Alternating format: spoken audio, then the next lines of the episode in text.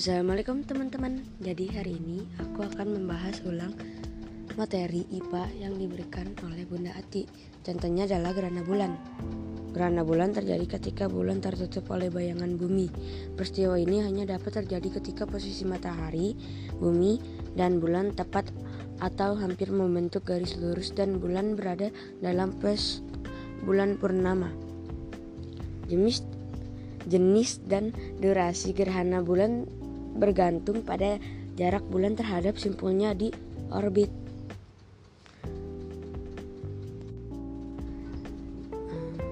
Terus contohnya gerhana matahari.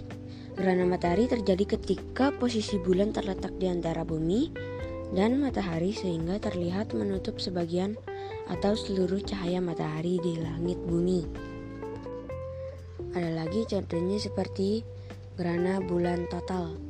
Gerhana bulan total terjadi ketika seluruh bayangan umbra bumi jatuh menutupi bulan, sehingga matahari, bumi, dan bulan berada di tempat satu garis yang sama.